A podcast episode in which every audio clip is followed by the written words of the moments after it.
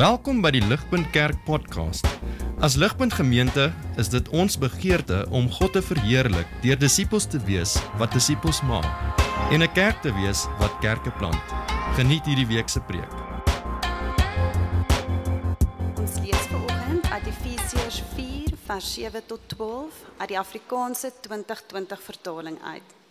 Julle kan saam met my in julle Bybels of op die teksbladsye volg. Kom ek lees vir ons. Maar aan elkeen van ons is 'n genadegawe geskenk, soos Christus dit uitgedeel het. Daarom staan daar: Toe hy opgevaar het na bo, het hy kruisgevangenes weggevoer. Hy het gawes aan die mense gegee. Hy het opgevaar, waarop anders dui dit as dat hy eers neergedaal het na die laer dele, die aarde. Die een wat neergedaal het, is dieselfde een wat opgevaar het tot bo al die hemele, sodat hy alle dinge kon vul. En hy het sommige as apostels, ander as profete, ander as evangeliste en ander as herders en leraars gegee om die heiliges toe te rus vir hulle dienswerk om die liggaam van Christus op te bou. Thanks. Goeiemôre. Ehm um, dis 'n groot voorreg om ver oggend met so vreugdevolle oggend waar ons die doop kan vier en waar ons die die prentjie van die evangelie kan sien om ver oggend die woord ook vir ons nog te kan bring. Ehm um, ons is in die middel van 'n 'n kort reeksie wat ons dink oor wat dit is om kerk te wees en hoekom ons deel van die kerk wil wees. Ehm um, as ledemate van 'n kerk, soos wat ons dink oor die verbintenisproses van ons as 'n kerk. En so ons is ver oggend in die middel van daai kort reeks ehm um, wat ons doen uit Efesiërs 4 uit. En so ek gaan vir ons bid. Ek gaan net vra dat God ons sal rustig maak en dat hy werklik ons sal help om sy woord te verstaan soos wat ons saam daarna kyk. So kom ons kom ons bid saam. Vader, ons dankie dat ons u woorde vir ons neergeskryf kan hê. En ons dankie dat u Gees daai woord vir ons lewendig kan maak soos wat ons dit hoor. En ons vra dat u ver oggend soos wat ons u woord hoor, sal u die woorde vir ons lewendig maak. Sal u werklik met elke een van ons praat. Sal u ons help om u stem te hoor soos wat ons u woorde saam bestudeer in u woord. En sal u ons ver oggend die van ons wat u ken, sal u ons verdiep in ons geloof en versterk in ons geloof. En Vader, die van ons wat U nie ken nie, sal U ons oë oopmaak om U te leer ken as 'n liefdevolle Vader en Jesus as 'n wonderlike genadige koning wat sy lewe vir ons neergelê het sodat ons in 'n verhouding met U kan wees. En so Vader, help ons ver oggend werk asseblief in ons harte deur die Gees. Ons vra dit in Jesus se naam. Amen. Vriende, ek verneem daar is iets soos vital organs en non-vital organs as mens nou medies na die wêreld kyk. Um vital organs maak vir my sin. Um vital organs is goedes soos die hart, die brein, die longe, niere en die lewer. Daai goed maak sin. Wat nie sin maak nie is die kategorie van non-vital organs. Die kategorie van non-vital organs is die volgende. Hier's net 3 van hulle. Jou maag, jou kolon en die voortplantingsorgane. Volgens my is dit nie non-vital nie. Dit is vital vir voortbestaan. Ek kan nie lewe sonder my maag nie. Ek kan dalk 'n rukkie lank bestaan sonder my maag, maar my maag is my vital en so ook my kolon. En dieselfde vir die res van ons. Ons het seker ons het organe gekry omdat God gesê het ons het dit nodig. En so die mediese klassifikasie van non-vital organs bestaan nie volgens my nie. Ehm um, maar dieselfde is ook waar in die kerk. In die kerk is daar ook sekere gawes wat beskou word as non-vital en seker is wat as vital beskou word. Maar ek dink vanoggend gaan ons sien dat daar is nie iets soos non-vital organs nie. Daar is nie iets soos ledemate van 'n kerk wat nie belangrik is vir die gesondheid van die kerk nie. Um, ons gaan vanoggend sien dat dat elke een van ons wat deel is van Jesus se liggaam, die kerk, het 'n belangrike rol om te speel. Um, en ek gaan vir ons vinnig net 'n bietjie konteks gee uit Efesiërs uit sodat ons kan verstaan wat ver oggend se teks in sy konteks beteken. En so die brief van Efesiërs begin um, in Efesiërs 1 vers 9 en 10 om vir ons die groot plan van God vir die wêreld te gee. Die groot idee, God se raadsplan is in Efesiërs 1 vers 9 en 10. Ek lees dit vir ons. Hy het die geheimenis van sy wil aan ons bekend gemaak, soos hy dit goed gedink het en in Christus voorgenem het om die volheid van tye te bestuur en om alle dinge, dinge in die hemel en dinge op die aarde onder een hoof in Christus saam te bring. So God se plan vir die wêreld, sy raadsplan vir die skepping is om alle dinge in hemel en op aarde onder Jesus te verenig onder Jesus se heerskappy in te bring. Die eerste die eerste mense of die eerste element wat hy onder Jesus se heerskappy ingebring het is die mens. Die mense is met ons is van nature vyande van God en in hoofstuk 2 sien ons dat God ons met homself en met mekaar versoen het deur sy genade om ons te verenig onder Jesus se heerskappy. En so Efesiërs 2 vers 4 en 5 sê, maar God ryk in barmhartigheid het ons alhoewel ons dood was as gevolg van ons oortredings op grond van sy groot liefde waarmee ons liefgehad het saam met Christus lewendig gemaak uit genade is jy verlos en dan gaan hoofstuk 2 aan om te sê God het Jood en nie Jood met mekaar verenig binne in die kerk. Hy het almal van ons, soos wat hy ons met hom verenig het, het hy ons met mekaar verenig. En dan sien ons in hoofstuk Dit is God se wysheid wat geopenbaar word aan die heelal. Soos wat almal van ons verenig word met Jesus en verenig word met God, is ons besig om God se veelvuldige wysheid aan die wêreld te openbaar. Efesiërs 3 vers 7 en 11 sê hierdie wysheid van God word geopenbaar en almal het 'n rol om te speel deur genade binne hierdie wysheid van God wat geopenbaar word in die kerk, in die eenheid van die kerk. Efesiërs 3 vers 7 en 11 sê van die evangelie het ek 'n dienaar geword. Paulus sê, ooreenkomstig die gawe van God se genade wat aan my betoon is volgens die werking van sy krag. Aan my, minder as die geringste van al die heiliges, is hierdie genade geskenk om aan die heidene die evangelie van die onpylbare rykdom van Christus te verkondig en om almal in te lig wat die uitvoering van die geheimenis is wat vir eeue lank verborge was aan God wat alle dinge geskep het. Gevolglik kan die ryklik geskakeerde wysheid van God nou deur die kerk aan die owerhede en die magte in die hemel bekend gemaak word ooreenkomstig sy ewige voorneme wat hy gemaak het in Christus Jesus ons Here So God se wysheid word bekend gemaak in die kerk soos wat hy ons almal verenig onder Jesus se heerskappy. Dis 'n wysheid wat nie net vir die aarde is nie, maar vir die hemelruim is. Soos wat alle magte inkyk op God se vermoë om alles onder Jesus te verenig.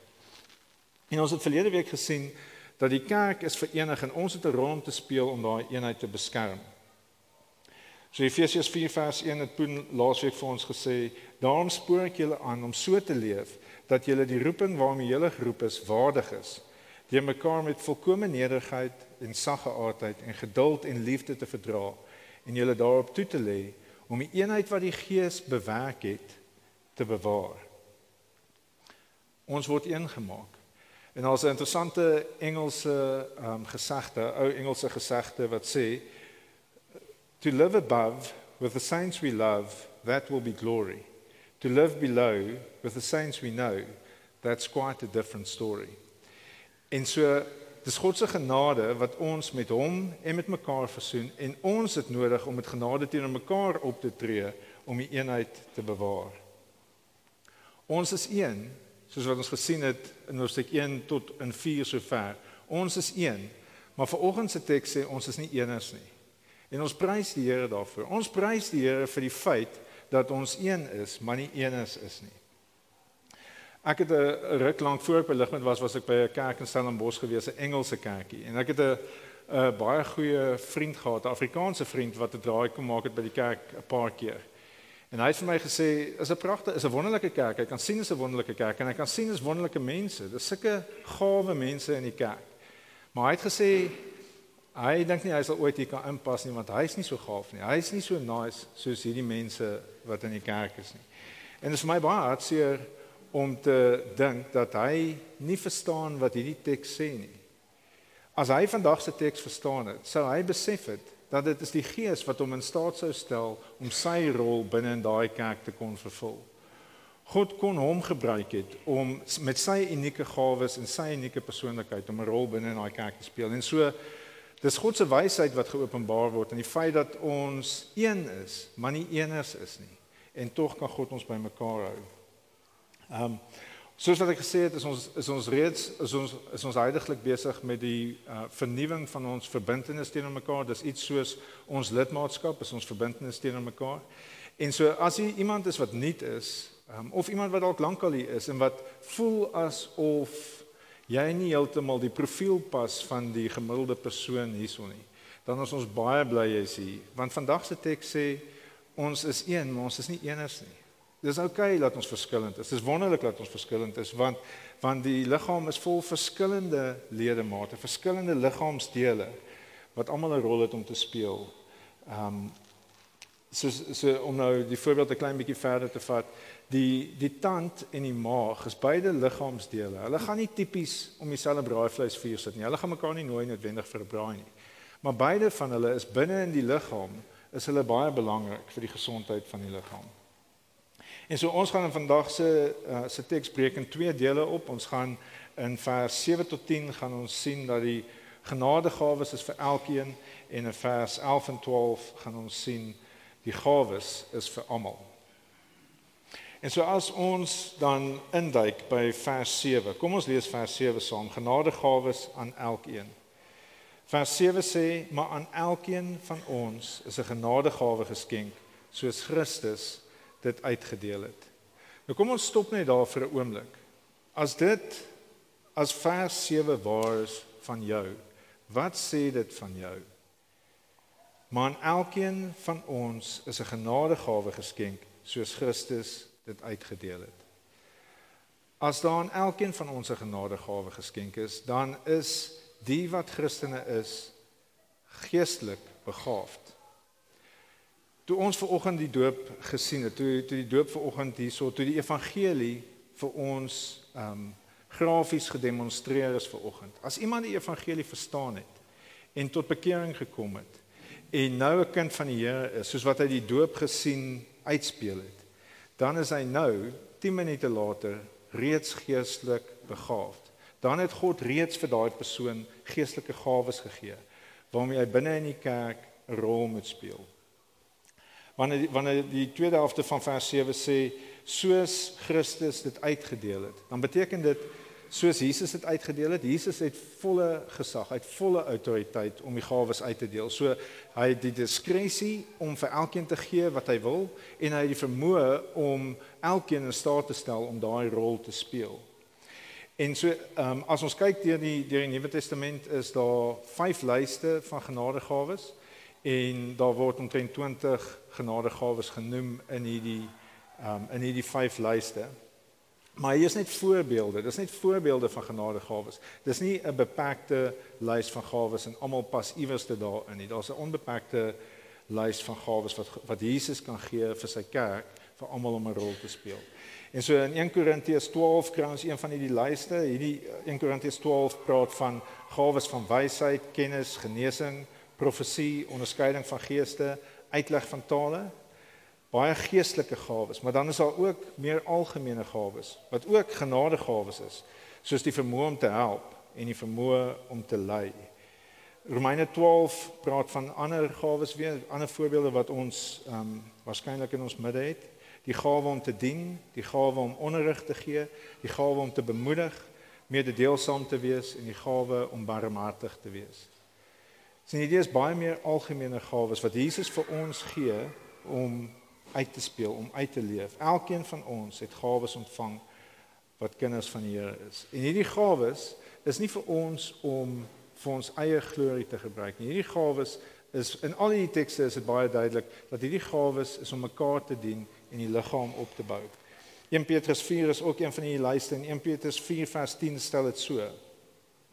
As goeie bestuurders van die veelvuldige genade van God, moet julle mekaar bedien in ooreenstemming met die genadegawe wat elkeen ontvang het. En so genadegawes is geestelike gawes wat God vir ons gee om mekaar te dien. En dit is soos ons het nou ons het 'n rukkie terug gedink oor geld. Geld is 'n gawe wat God vir ons gee om rentmeesters van te wees en om te, en om te aan te wend soos wat God ons roep om sy liggaam mee op te bou. En geestelike gawes is presies dieselfde. Jesus gee vir ons gawes en ons is rentmeesters van daai gawes om die kerk op te bou, om mekaar op te bou. En ons sal rekenskap gee van hoe ons ons gawes gebruik het en ons sal 'n beloning ontvang vir vir die wat hulle gawes getrou gebruik het. En so ehm um, mense bereik op 'n sekere stadium in die lewe ouderdom wat ehm um, jy net 'n klein bietjie te lank agter 'n rekenaar gesit het en net 'n klein bietjie te veel vergaderings ingesit het en wat jou lyf net so bietjie begin sak. Ehm um, en ek was by 'n biokinetikus om my te help met my postuur. Ehm um, en sy het vir my gesê die ehm um, die liggaam is soos 'n lang ketting. Alles is uh, in in balans met mekaar. Die hele geheel moet werk. Almal moet hulle rol speel vir die ding om nie bietjie uitmekaar te rafel nie. So byvoorbeeld, ehm um, as jy as jy te veel in vergaderings so goed sit, dan raak jou maagspiere swak en dan kan jou maag nie sy rol vervul nie en dan moet jou laarrug te hard werk om jou postuur te behou en dan word jou rug seer. sien so swak dele binne in die liggaam maak dat ander dele te hard moet werk en dan kry die lot seer, dan kry alles seer. Sy sê vir my as ehm um, as jou kor nie sterk genoeg is nie, dan en jy en jy stap of jy doen enigiets, um, jy probeer om te oefen, dan is jou beleining uit en dan kan jou knieë afloop soos soos bande wat se beleining as 'n kar se wheel alignment uit is, dan loop jou bande skeef af en so jou knieë kan skeef afloop en jou heupe kan skeef afloop as jou kor nie sterk genoeg is nie. Nou die punt van al hierdie goedes is, is almal van ons het 'n rol om te speel en as ons nie sterk genoeg ons rol speel nie, dan raak die liggaam kranklik. Dan is daar 'n probleem. En dieselfde is obviously waar vir die kerk. As ons almal nie ons rol speel nie, as ons lyf wegsteek, dan kry die hele lyf seer. Um nou die van ons wat al Christene is wat wat um op hierdie stadium nie ons rol speel nie. Um onthou dis genade wat ons met God verenig het. En dis in genade wat Jesus vir Paulus sy talente gegee het, sy gawes gegee het en sy genade wat Jesus vir ons talente gee, gawes gee om die kerk mee op te bou. En soos jy nie op hierdie stadium jou rol speel binne in die groot kerkliggaam nie. Sê vir Jesus jy is jammer en vra hom om jou te help om jou rol te speel, want hy gee selfs vir ons die energie om ons rol te speel. En en mense het ehm um, eintlik die vraag baie keer wat is my gawe? Hoe moet ek my rol speel? Wat is ek veronderstel om te doen? En Kevin de Jong het 'n het 'n boek geskryf um, met 'n baie behulpsame titel. Jy hoef nie eintlik 'n boek te lees nie. Um, jy kan maar net die titel hoor. Die titel is Just Do Something. Um, so as jy wonder wat jou gawe is binne in die kerk, just do something. Um, en dan sal God jou kan gebruik om die kerk op te bou. Um, nou dis belangrik ook soos wat ons kan sien as jou as jou maag nie sterk genoeg is nie, is dit jou rug wat swaar kry, want dit is jou rug wat te hard dan moet werk. En so as van ons dalk wat te hard werk. Ehm um, en en ons het nodig om te besef dat ons ander ook 'n geleentheid moet gee om hulle gawes uit te leef, want ons is verenig binne in die kerk om almal van ons wat gawes het 'n geleentheid te gee om hulle rol te speel binne in die kerk. En so ons moet 'n begeerte hê om ander te sien floreer met die gawes wat God vir hulle gegee het. Sien Jesus het aan die kruis gesterf vir ons om elkeen ons rol te kan speel binne in die kerk, om ons genadegawes te kan uitleef. En dis in 'n groot mate waaroor vers 8 tot 10 gaan. Vers 8 tot 10 sê kom ons lees dit. Daarom staan daar, toe hy opgevaar het na bo, het hy kruisgevangenes weggevoer. Hy het gawes aan die mense gegee Hy het opgevaar waarop anders dui dit as dat hy eers neergedaal het na die lae dele, die aarde. Die een wat neergedaal het, is dieselfde een wat opgevaar het tot bo al die hemele sodat hy alle dinge kon vervul. So hierdie vers 8 tot 10 is 'n prentjie van Jesus se koninklike lewe. vers um, vers 8 is 'n verwysing na Psalm 68. Psalm 68 is 'n koning wat wat 'n oorlog oorwin het en wat op pad is na sy troon toe. En soos wat hy na sy troon toe stap, deel hy die byt met sy mense.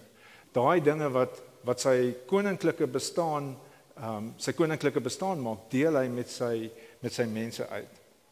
En so dis die prentjie wat ons sien in vers 8 van Psalm 68 en dit is wat Jesus met ons doen. Soos wat hy op sy troon sit, deel hy sy gawes met sy mense. Ehm um, en Jesus moes eers, soos wat hy uit in die hemel hy was in die hemel, hy moes afkom aarde toe. Hy na die lae dele van die aarde toe. Hy het hy het hy het besluit om sy lewe vir ons neer te lê. Hy het aan die kruis gesterf in ons plek. Hy het al die pad tot in die laaste ehm um, vernedering gegaan wat moontlik is. En toe het hy weer opgegaan. Hy het uit die dood uit opgestaan. Hy het opgevaar na die hemel toe en hy het sy glorie met ons gedeel. Hy het sy genadegawes met ons gedeel sodat ons vers 10 sodat hy alle dinge tot vervulling kan bring. So hy deel sy gawes met ons sodat sy volle koninklikheid uitgeleef kan word soos wat ons ons rol speel binne in die kerk sien is 'n koninklike rol waarvan ons deel gemaak word soos wat Jesus sy genadegawes met ons deel. En so vers 10 van hoofstuk 1 is waarmee ons hier besig is as hy sê om alle dinge tot vervulling te bring. Vers 10 van hoofstuk 1 sê om alle dinge onder een hoof saam te bring. Dinge in die hemel en dinge op aarde. Ja alles saam in hom.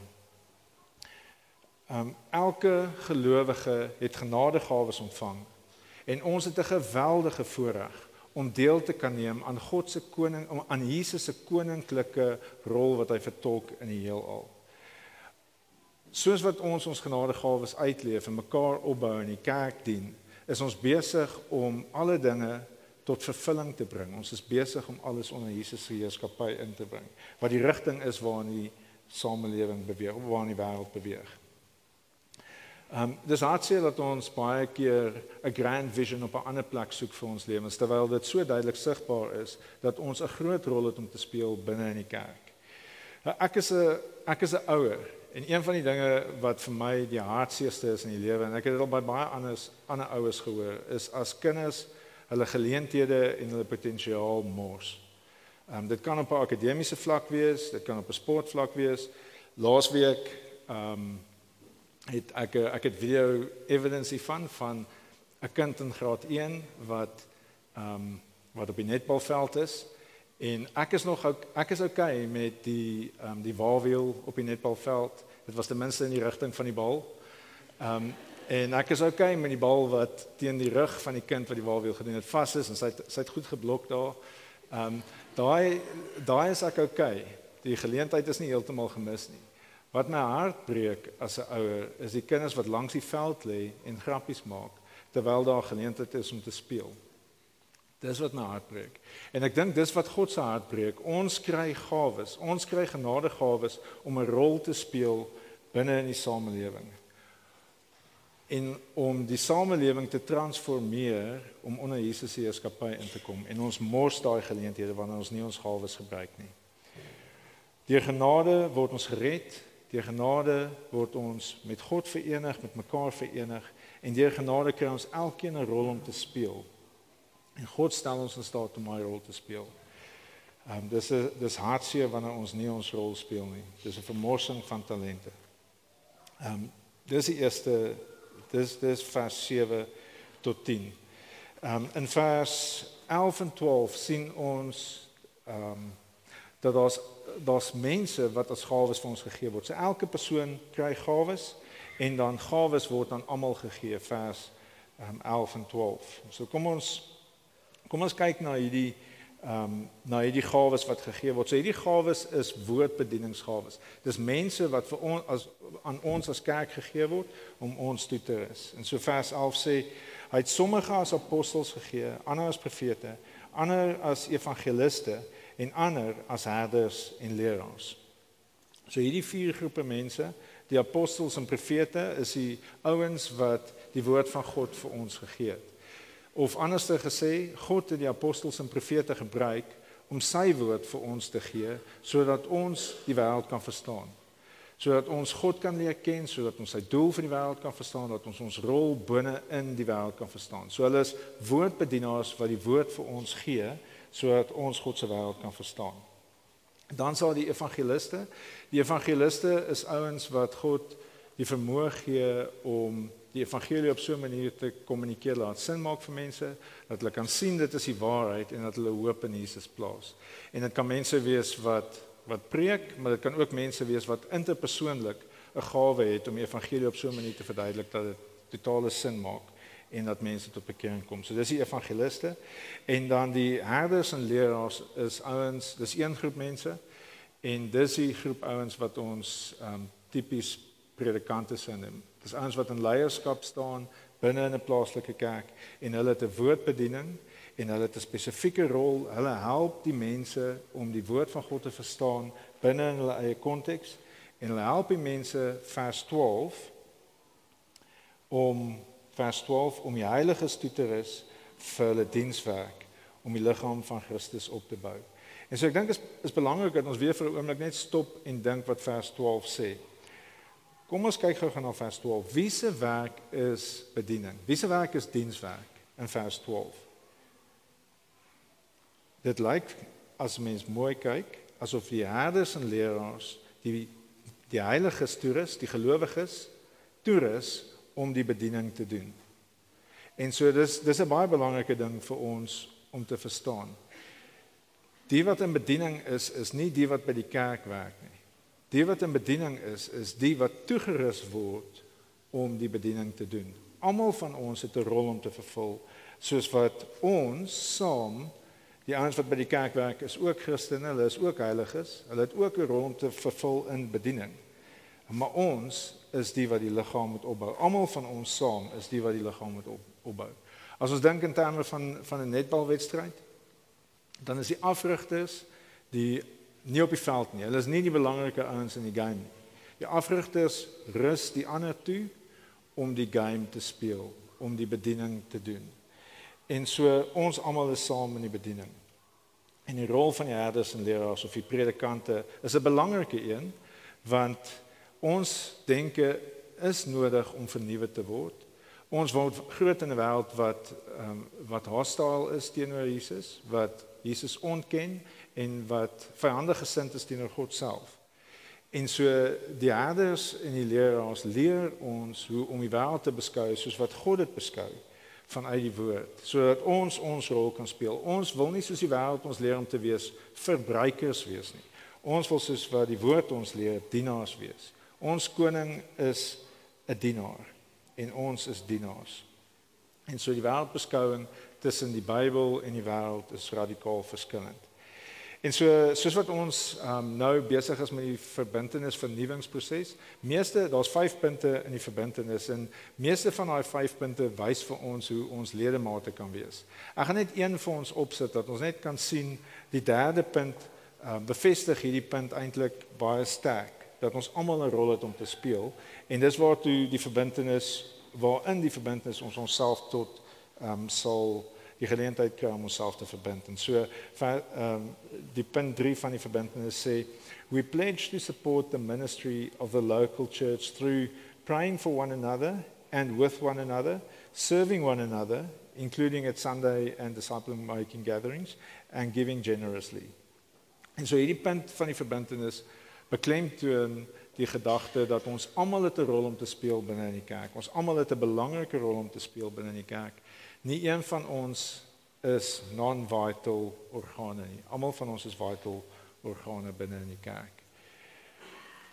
En so ehm um, net soos wat daar genadegawes ehm um, vir ons almal is, ehm um, is daar 'n geweldige hoeveelheid maniere wat ons ons genadegawes kan uitspeel. Ehm um, daar is op Sondae is daar 'n geleentheid vir ons om ons genadegawes te gebruik om die liggaam op te bou as baie geleenthede. Ehm um, ek ek dink Natasha is siek anders as sy vandag hier gewees het, maar sy sal seker volgende week hier wees en dan sal sy sê dan kan mens met haar gaan gesels. Ehm um, daar is geleenthede om by stoelespan, koffie, projekte, gasvryheid of enige ander span betrokke te raak. Daar's ouens wat met woordbediening besig is op Sondag waar daar geleentheid is om betrokke te raak of dit nou is in die musiekspan of by die um, ligpuntjie onderwysers. Daar's baie geleenthede op 'n Sondag om mense genadegawes uit te leef. Maar die kerk bestaan nie net op Sondag nie. Daar's baie geleenthede en belangrike geleenthede in die week om by betrokke te raak. En so daar's ligpunt gesinne waar ons mekaar opbou met ons genadegawes en daar's ander waar ons kan kom dien soos ligmag en kadette die tienerbedienings en die studentebediening waar enige een van ons kan sê ons wil graag betrokke raak. Ons het dalk die gawes wat wat God ehm um, wat Jesus vir ons gegee het om daardie liggaam te kom opbou. En so daar kan mens met enige gesels met een van die ouens ehm um, as jy dalk daar wil betrokke raak. Maar daar's ook geleenthede buite die formele kerkstrukture. Sien ons het ehm um, as 'n kerkgemeenskap het ons het ons natuurlike gawes en ons geestelike gawes help ons om ons natuurlike gawes te gebruik vir die uitbou van Jesus se koninkryk. Ehm um, daai natuurlike gawes en geestelike gawes wat kombineer is 'n kan 'n wonderlike ding wees. Ek het bietjie vir ehm um, gaan sit en dink hoeveel ouens al hulle professionele ehm um, gawes gebruik het om die kerk fisies op te bou. En in die laaste 10 jaar het het God vir ons argitekte, entrepreneurs, ingenieurs, elektriesiens, nutsmanne, onderwysers, CEOs, grafiese ontwerpers, stadsbeplanners, dokters, oogartse, prokureurs, IT-ouens, arbeidsterapeute, audioloë, verpleegsters, bourekenaars, fisioterapeute, finansiële beplanners en ander gegee wat net in hierdie gebou hulle gawes gebruik het om die kerk op te bou. En daai ouens en 'n klomp ander gebruik hulle gawes om die kerk se werk uit te bou in die samelewing, soos wat hulle hulle werke doen met 'n Bybelse wêreldbeskouing. Soos wat hulle in 'n begeerte lewe om dinge onder Jesus se heerskappy in te bring. Is hulle getrou in dit waartoe God hulle geroep het by die werk. En so daar is 'n legio maniere waarop ons ons rol kan speel binne in die kerk en buite die kerk vir Jesus se onthulwe. Ek wil een voorbeeld noem amper as 'n um as 'n as 'n 'n celebration van die manier waarop God mense in ons midde gebruik om goed te doen, om 'n verskil te maak in die samelewing waarin ons waarin ons onsself bevind. En so daar's mense met die gawe van barmhartigheid wat baie tyd en energie en wysheid en geld gespandeer het om 'n baba huis op die been te bring. Ek dink meeste van ons sal bewus wees van Daybreak Baba huis. Ehm um, Daybreak het in die week het het in, in hierdie week hulle eerste 4 babas ontvang babas wat andersins nie 'n tuiste sou gehad het nie. Ehm um, babas wat nou veilig is en wat liefde ontvang en wat hoop het omdat mense hulle gawe van barmhartigheid uitleef en ander mense hulle ander gawes gebruik het om dit te help moontlik maak. En so soos wat ons vorentoe gaan, sal daar baie geleenthede wees vir mense om daar betrokke te raak. Maar daar is ook geleenthede vir ons, soos wat ons ons eie paadjie stap om die gawes wat Jesus vir ons gegee het om binne of buite die kerk ons rol te speel om 'n verskil te maak. En so ek sluit vir ons af. Jesus het vir elkeen van ons genadegawes gegee sodat ons kan deel in sy oorwinning. Ons as ons Christene is, het ons 'n rol om te speel in ons koning se oorwinning. Ons het 'n koninklike rol om te speel. En hierdie koninklike rol is een van dienaars. Ons is dienaars in Jesus se koninkryk. Die woordbedienaars rus ons toe om ons rol te speel om die liggaam op te bou. God se genade vir ons is genoeg. As ons op hierdie stadium nie ons rol speel nie, sê is jammer. En onthou wat ehm um, wat Kevin de Jong sê, just do something. Vra God om jou te help om jou gawes uit te leef om 'n wonderlike lewe te lewe, een waar ons besig is om saam met Jesus te ywer om sy koninkryk in te bring en alles onder sy heerskappy te bring. Eendag gaan ons gaan ons nie meer in 'n gebroke wêreld lewe nie. Eendag gaan ons onder Jesus se heerskappy wees in die nuwe skepping waar daar geen meer trane of hartseer of pyn gaan wees nie. Maar vir nou het ons 'n kans om sout en lig te wees in hierdie wêreld. En kom ons doen dit saam. Kom ons bid saam. Vader ons dankie vir die voorreg om u kinders te kan wees. Ons dankie vir u seun se opoffering wat ons deel gemaak het van u koninkryk. Help ons om getrou te wees met die gawes wat u vir elkeen van ons gegee het. Help ons asseblief om nie lui weg te steek nie, om nie langs die veld te lê en met ons maatjies te gesels nie. Help ons om werklik van die geleenthede gebruik te maak wat u vir ons gegee het. Vader, help ons asseblief gebruik ons gawes vir die voordeel van die mense rondom ons en gebruik ons gawes vir u glorie. En gebruik ons as 'n kerkliggaam, Vader, om sout en lig in hierdie wêreld te wees, om goed te doen en om u liefde aan die wêreld te kommunikeer. Ons vra dit in Jesus se wonderlike naam. Amen. Vir meer inligting oor Ligpunt Kerk, besoek gerus ons webwerf op www.ligpunt.com of kontak ons gerus by info@ligpunt.com